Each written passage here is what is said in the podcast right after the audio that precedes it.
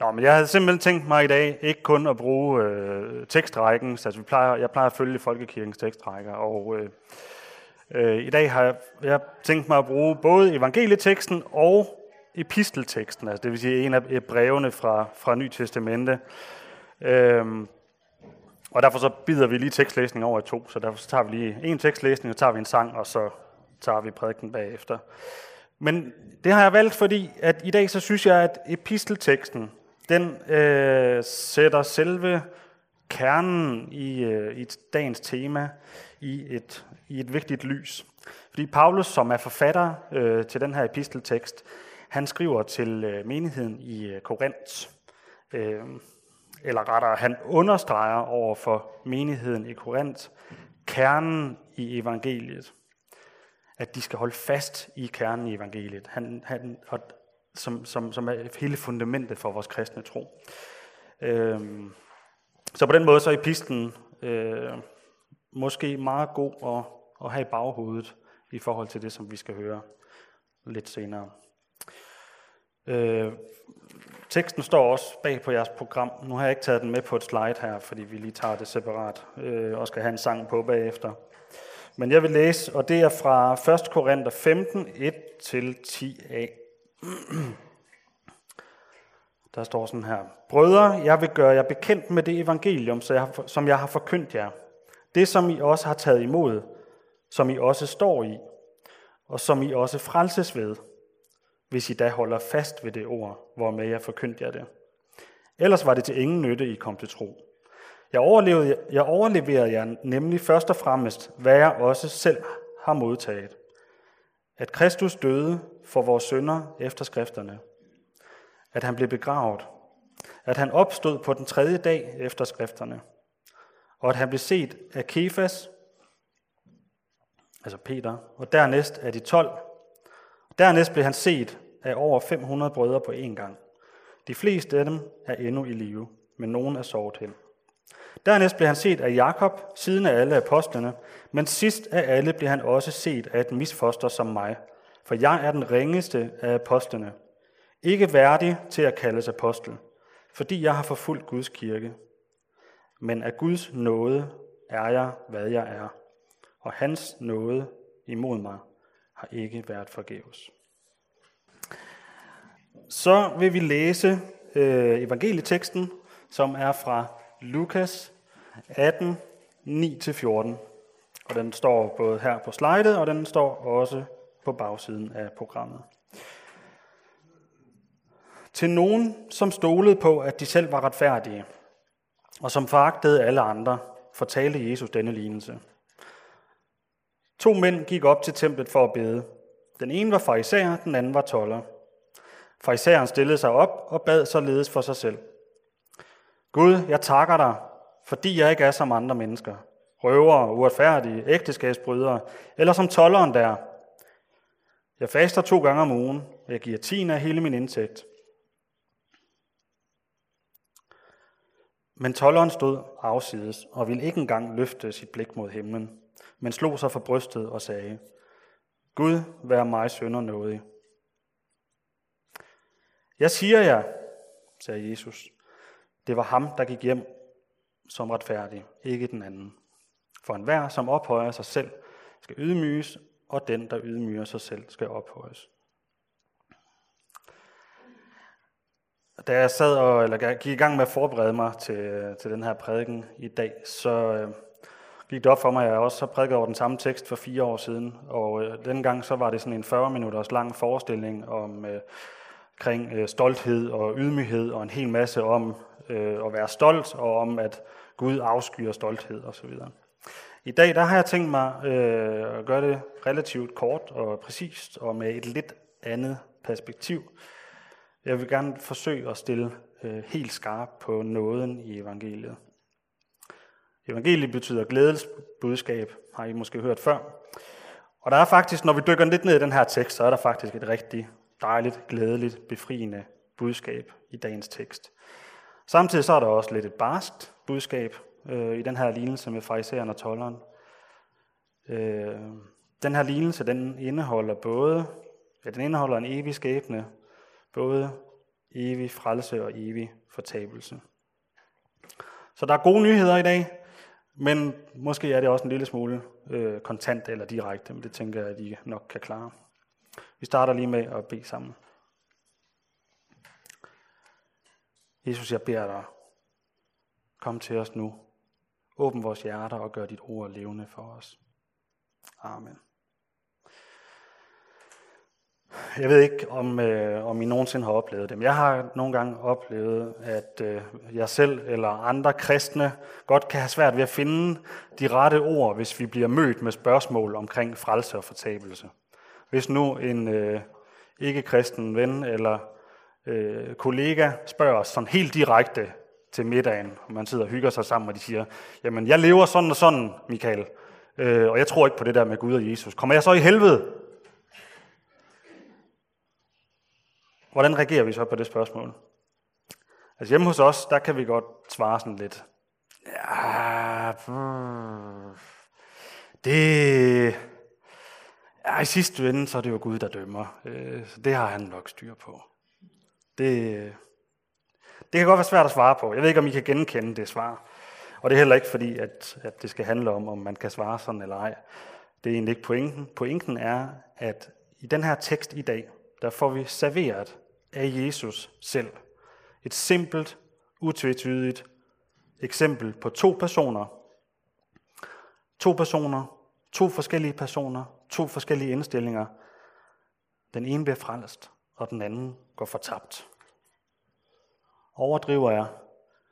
Nej, Jesus siger, det var ham, der gik hjem som retfærdig, ikke den anden.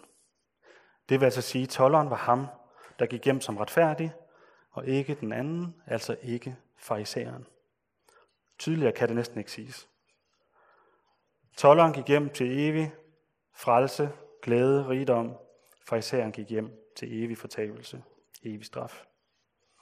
Så det er egentlig ikke for at latterliggøre vores evne til at svare, når vi bliver spurgt direkte.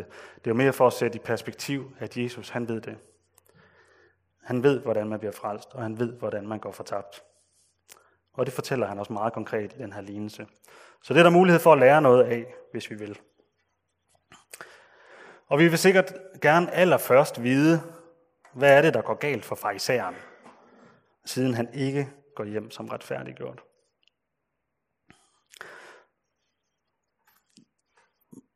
Man kan argumentere, man kan sikkert også modargumentere for det, men, men, men man kan argumentere for, at, at øh, farisæeren tror jo egentlig på Gud han, han lader jo til at give Gud æren for, at han er så god, som han er. Han takker Gud, står der. Han kunne lige så godt stå her i, i Bornholmerkirken og synge, øh, det er godt at takke Gud. Som vi synger så ofte. Og det synes jeg egentlig er ubehageligt at tænke på, at man kan stå i helligdommen, i kirken, og stå og takke Gud, og egentlig være overbevist om, at man har alt i orden med Gud, og i virkeligheden så er man fuldstændig fortabt. Så det er vi nødt til at få undersøgt i dag.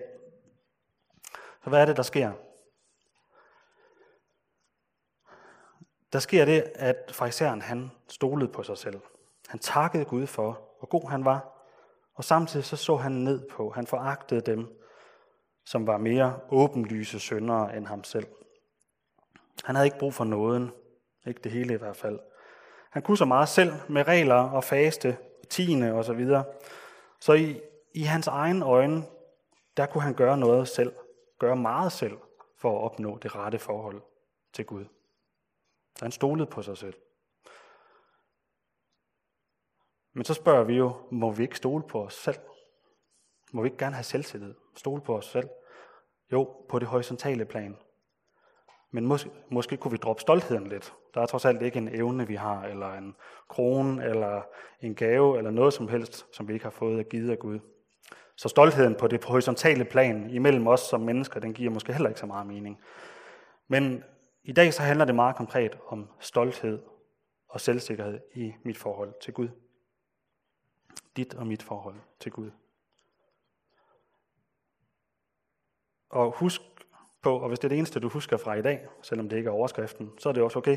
Men husk på, at hvis du stoler på dig selv og dine egne gerninger i forhold til dit forhold til Gud, så kommer du også til at stå helt alene over for Gud, når du skal stå ansigt til ansigt med ham. Beklager, hvis det er lidt bombastisk, men det er konsekvensen ved ikke at tage imod nåden. Det er konsekvensen ved ikke at tage imod Guds nåde til os, som det handler om i dag. Hvad så med tolleren da? Jeg vil ikke gå længere ind i, eller jeg vil ikke gå ind i en længere uddybning om, hvordan man så på tollerne på Jesu tid. Men der er selvfølgelig en, en grund til, at, at han bruger tolleren til, som eksempel. Meget, meget kort fortalt, så var tollerne jo i, øh, i romernes, altså i besættelsesmagtens tjeneste, og de opkrævede penge i form af skatter og afgifter fra deres egne landsmænd, og så sendte de så pengene til Rom.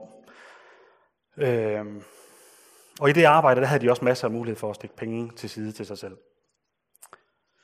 Så derfor så, at, at, at tolleren som titel, øh, ligesom et billede på en person, der levede i åbenlys synd og var en skændsel for sine omgivelser. Men tolleren stod afsides og ville ikke engang løfte sit blik mod himlen, men slog sig for brystet. Tolleren stod afsides. Han ved godt, at det ikke står så godt til mellem ham og Gud. Han ved godt, at hvis han skulle stå alene over for Gud, så ville det ikke se så godt ud. Og han går heller ikke helt frem til templet. Øh, der hvor farisæeren står. Han har formentlig stået øh, i det bagerste hjørne af foregården, har jeg læst i, i en, en kommentar. Øh, måske har han følt sig lidt utilpas ved situationen. Måske har han følt sig lidt uværdig til at træde frem i helligdommen. Måske kender du det selv, hvis du selv kæmper med noget eller med en synd, og du, du føler dig ikke frimodig over for Gud. Du føler dig ikke, egentlig ikke værdig til at træde frem i Guds nærvær. Eller måske har du oplevet en god ven, som er kommet ud i ægteskabsbrud, eller i misbrugsproblemer, eller en eller anden, anden meget øh, synlig synd, i hvert fald for menigheden. Øh, og at vedkommende så pludselig trækker sig fra det kristne fællesskab. Måske med undskyldning om, at nu er de kristne også blevet for snæversynet, eller man ikke kan være i det, eller et eller andet. Men i virkeligheden tiltrækkes vedkommende måske slet ikke af kirken og det kristne fællesskab. Måske fordi vedkommende dybest set føler sig uværdig til at være der. Og det er desværre en naturlig reaktion. Da disciplene så, øh, hvem Jesus virkelig var, så kastede de sig ned for ham i frygt. Men Jesus sagde til dem, frygt ikke. Jesus vil ikke have, at vi skal holde os på afstand af ham på grund af skam. Det var derfor, han selv opsøgte udskammede, udstødte, upopulære mennesker, da han gik på jorden. Han ønsker, at vi kommer til ham med vores synd. Så tolleren står afsides og føler sig hverken værdig til at træde frem eller til at kigge op. Han slår sig for brystet og siger, Gud, vær mig, sønder, nådig. Og betydningen af det græske ord, som her bruges for at være nådig, jeg ved ikke, hvordan man udtaler det, der står et eller andet helastiti, eller sådan et eller andet. Der sidder en teolog nede på bæreste række, han kan måske udtale det korrekt. Men, men øh, det ord, der bruges her, betydningen af det, af det ord er helt central i, hvad der sker, i forståelsen af, hvad der sker. Tolleren siger i virkeligheden, Gud, bring du det fornødne offer for mig. Med andre ord, Gud, jeg kan ikke betale selv. Hjælp mig med at blive forsonet med dig. Tolleren beder Gud om at tage initiativ til at frelse ham i erkendelsen af, at han aldrig nogensinde selv vil lykkes med det, så skal Gud tage initiativet. Og det er jo præcis, hvad Gud har gjort hele Bibelen igennem.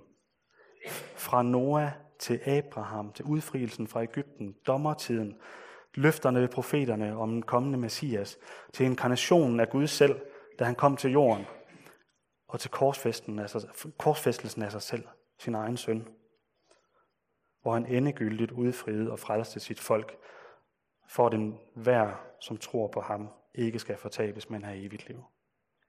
Gud tog initiativet.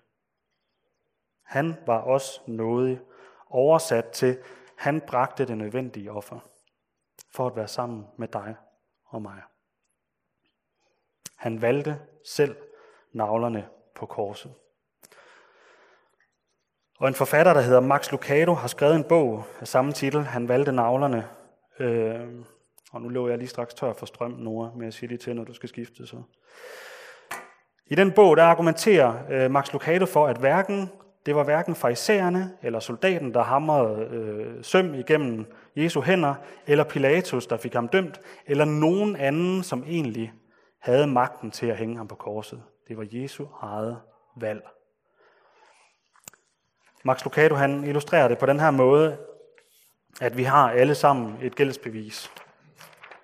Vi har alle sammen en liste med alle vores sønder opgjort til offentlig skue. Den vil nok for mit vedkommende være lidt længere end den her liste.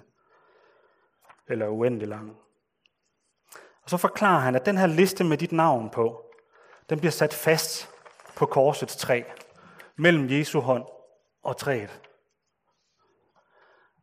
Og at Jesus, han, når han ligger der og frivilligt åbner sin hånd for at lade sømmet slå igennem hans hånd, så ser han mit gældsbevis ligge under hånden. Hans hånd dækker mit navn. Og Max Lucado forklarer, at Jesus han kigger ud på den hånd, som har skabt hele jorden, hele verden, som har skabt både Pilatus og soldaten og dig og mig. Men Jesus kan ikke udholde tanken om ikke at skulle have fællesskab med os. Så derfor så lader han sin hånd dække vores gældsbevis og lader det navle fast til korset. Hans hånd dækker mit navn, og hans blod sletter listen med alle mine sønder. Det er en meget malerisk forklaring, men den gjorde lidt indtryk på mig. Eller meget, for det hjælper mig til at forstå, hvorfor Jesus måtte dø. Der skulle bringes et offer, som vi lige fik oversat fra, fra græsk, at være nådig, at bringe det rette offer for at skaffe forsoning. Gud kan ikke bare sige skidt pyt til synden, og så er det fint nok, så kan han være sammen med os alligevel. Gud hader synden. Gud kan ikke, tåler ikke synden. Så der skulle bringes et offer for at skaffe forsoning med os. Og det skal der altid. Der skal altid bringes et offer. Hvis man laver en bule i bilen, så er der stadigvæk en regning, der skal betales for at få rettet bulen ud. Også selvom man er forsikret, så er der nogen, der skal betale regningen. Sådan er det. Også selvom ens kone har sagt undskyld for det.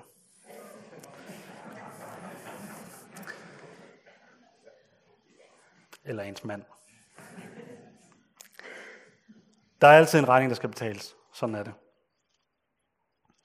Og den første halvdel af Bibelen, den er propfyldt med zoneoffre og procedurer for forsoning i alle mulige forskellige sammenhænge. Men at bringe et sonoffer og betale en regning for hele verden, for at enhver, som tror på ham, ikke skal fortabes, den regning var der kun én eneste, der kunne betale. Det var Gud selv. Gud kan ikke være i nærheden af synd, men han vil være sammen med mennesker. Så det eneste offer, der kunne skaffe den forsoning, det var Gud selv. Så han sendte sin enborne søn som offer. Dermed er regningen betalt. Da Jesus døde på korset, så råbte han, inden han døde, råbte han, det er fuldbragt. Arbejdet er gjort. Bulen er rettet ud. Regningen er betalt. Gennem Jesus er vi kvitt med Gud. Gennem Jesus kan vi stå i ret forhold til Gud.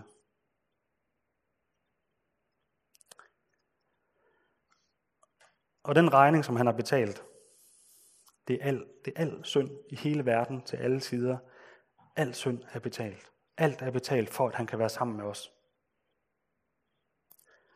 Så det betyder, at når du falder i synd i morgen og i næste uge, så lad være med at fortvivle.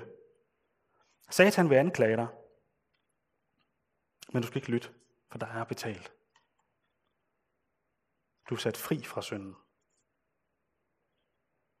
Det betyder ikke, at du så skal acceptere synden i dit liv og syndeløs, fordi det er gratis. Øh, så har du ikke forstået, at du ikke kan blive der. Du kan ikke blive i synden. Og der kan I gå hjem og læse Paulus forklaring i Romerbrevets kapitel 6. Det vil jeg ikke gennemgå her. Men bekend blot din synd for ham, der har betalt for den. For den er afregnet. Det er gjort. Der er ikke mere, der skal gøres. Så det betyder, at når du falder i synd i næste uge og i morgen og senere i dag, så kan du rejse dig igen. Så kan du rejse dig og tjene Gud frimodigt. Rejse dig og blive lys for andre, uden at lade dig anklage. Gældsbeviset, det er slettet. Det er væk. Jeg ved ikke, om I forstår, hvor stort det er. Jeg har selv svært ved at forstå det. Det er ikke sådan, at der er blevet afdraget på det, på din gæld, og så kan du selv betale resten. Nej, den er taget væk. Det er slettet. Der er ikke noget gældsbevis. Nu skal vi lige lave et lille tankeeksperiment, og det lyder måske lidt dramatisk, men forestil dig lige, at du er død. Og du kommer op til Gud, og du står ansigt til ansigt med ham, der har skabt dig. og så siger han til dig, Michael, eller hvis du ikke hedder Michael, så hedder du måske Martin, eller Erik, eller Bolette. Siger han, Michael, hvorfor, øh, hvorfor skulle jeg lukke dig ind i min himmel? Hvad vil du så svare? Kan man forestille sig, at nogle mennesker vil svare til, hvorfor skal jeg lukke dig ind? At nogen vil svare, det skal du, fordi jeg har levet et godt liv, og jeg har været god mod andre. Eller jeg har betalt mange penge til kirken. Jeg har gået i kirke hver søndag. Eller øh, fordi jeg har prædiket så og så ofte og siddet i menighedsrådet og planlagt lejre. Eller jeg har taget mig godt af en fattig enke og givet penge til flygtningen. Eller jeg har stillet op til praktisk og til lovsang igen og igen og i tide og utide. Eller vil jeg svare Gud, når han spørger mig, hvorfor jeg skal lukke ham ind? Eller hvorfor han skal lukke mig ind? Det skal du gøre kun på grund af din nåde, Gud. Det var dig, der fandt mig i mørket. Gør det på grund af din nåde. Gør det på grund af Jesus. Paulus siger i, øh, det er bare lige et par eksempler, et par eksempler. Efeserne 2, 8-9. For af den nåde er I frelst ved tro, og det skyldes ikke jer selv. Gaven er Guds. Det skyldes ikke gerninger, for at ingen skal have noget at være stolt af. Og i Galaterne 6:14. Men givet det aldrig måske for mig, at jeg er stolt af andet end af vor Herre Jesu Kristi kors. Det vil altså sige, at den eneste måde, vi kan stå retfærdige for Gud på, på dommens dag, det er ved at være iklædt Jesus Kristus. Paulus siger også, alle I, der er døbt til Kristus, har jo iklædt jer Kristus. Og så er vi tilbage ved tolleren igen. Og læg mærke til, at tolleren, han, han siger, Gud, vær mig sønder noget. Han siger ikke, tilgiv mig Gud, øh, det har været et hårdt liv. Øh, jeg kom lidt skævt fra start, og så fik jeg rodet mig ud i de her ting. Så det er klart, at det er gået, som det er gået. Eller tilgiv mig Gud, det var bare fordi, øh, det var egentlig ikke min skyld, at jeg havnede i det her. Det må du kunne se. Der er ingen undskyldninger. Kun en ydmyg bøn om forsoning. Tolleren han lægger ikke noget til. Ingen gerninger, ingen undskyldninger. Han beder om nåden, om gaven fra Gud, og det frelser ham. Så lad os nu lade være med at lægge noget til. Så døde den her Nora. Gider du at slå på... Øh? Lad os lade være med at lægge noget til. Det har altid været diskuteret, om nåden er nok. Og Paulus langer i, i, i, flere, af sine bringe, i, i, i flere af sine breve øh, hårdt ud efter de menigheder, hvor der praktiseres en eller anden form for øh, religiøs tillægsregel. Paulus han var selv fariser, og efter hans omvendelse betegnede han fortsat sig selv som fariser. Men øh, han regnede hele tiden hele sin optjente religiøse status, den regnede han for tab. På grund af nåden i Kristus, så kunne han ikke bruge det til noget længere. Han kunne ikke bruge sin religiøsitet til noget. Faktisk så kalder Paulus sine egne selvretfærdige gerninger for skaren. Det er sådan et skørt udtryk, men det betyder lort, eller øh, lort fra dyr, dyreekskrementer. Læs eventuelt Filipperbrevet 3. Med andre ord, når jeg synes, at jeg selv har gjort en god gerning, som burde kunne give mig noget, en lille smule credit på vægtskålen hos Gud, så svarer det i Guds øjne, ifølge Paulus, til at jeg kommer og afleverer en fin hundelort. Det er det, Paulus han forklarer. Fordi Guds forsoning med os på korset, den er fuldbragt. Regningen er betalt, så alle forsøg på selv at fortjene frelsen lidt ved egen hjælp, det er en fornærmelse. Det er en hundelort, siger Paulus. Den eneste måde, vi kan stå retfærdige over for Gud, det er ved at være iklædt Jesus Kristus. At vi tager imod nåden. Og husk, som jeg sagde i starten af min prædiken, at hvis du stoler på dine egne gerninger, så kommer du også til at stå med dem selv og stå alene over for Gud på dommens dag. Så lad os droppe vores egen selvretfærdighed, og lad os så lade Jesus og hans fuldbragte forsoning, lad den gælde i stedet for. Og til sidst, tolleren gik hjem retfærdiggjort. Jeg ved ikke, hvor længe I har tænkt, at jeg bliver hængende i dag, men på et eller andet tidspunkt vil I sikkert også gå hjem. Øh, så spørgsmålet er, går du hjem i dag fra kirke, ligesom tolleren, retfærdiggjort? Prøv at spørge dig selv. Stoler du på dig selv? Stoler du på, at du har en stærk, from tro, som kan bringe dig til evigt liv? Stoler du på, at du har gjort tilstrækkeligt meget godt for andre og levet et godt liv? Eller tør du bare tro, at Jesus har betalt din regning? At han tog den med på korset og slettede din synd med sit blod?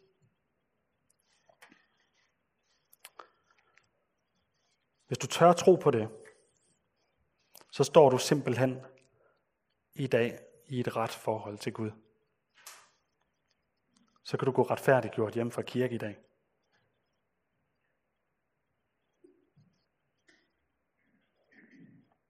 Eller føler du omvendt, føler du dig sort indeni, og ikke god nok til at blive frelst? Står du og gemmer dig nede bagved, og tør ikke at træde frem? Er du ligesom tolleren ukomfortabel med at komme for tæt på kirken, fordi du ikke føler dig værdig? Så tør bare at tro, at Jesus har taget alt med på korset. Så kan du godt retfærdig hjem fra kirke i dag. Det betyder ikke noget, om du føler noget. Det betyder ikke noget, om du føler dig lettet, eller lykkelig, eller fuld af helligånden. Nej, det der betyder noget, det var det, der skete på korset. Hvis du er i tvivl om, hvordan du har det, hvis du er i tvivl om, du føler, om du er retfærdiggjort, om du har forstået det rigtigt, så gør brug af vores forbøn under lovsangen i dag. Det er ikke sikkert, at de har tid til at tage en lang samtale med dig, men de kan hjælpe dig med at bede om, at du må kunne tro, hvor enkelt det i virkeligheden er. Jeg vil slutte med at bede kort den bøn, som Paulus beder i et af sine breve til en menighed. Far i himlen, giv os at fatte, hvor stor bredden og længden og højden og dybden er, til at kende din kærlighed, som overgår al erkendelse. Lær os at forstå din nåde til os. Amen.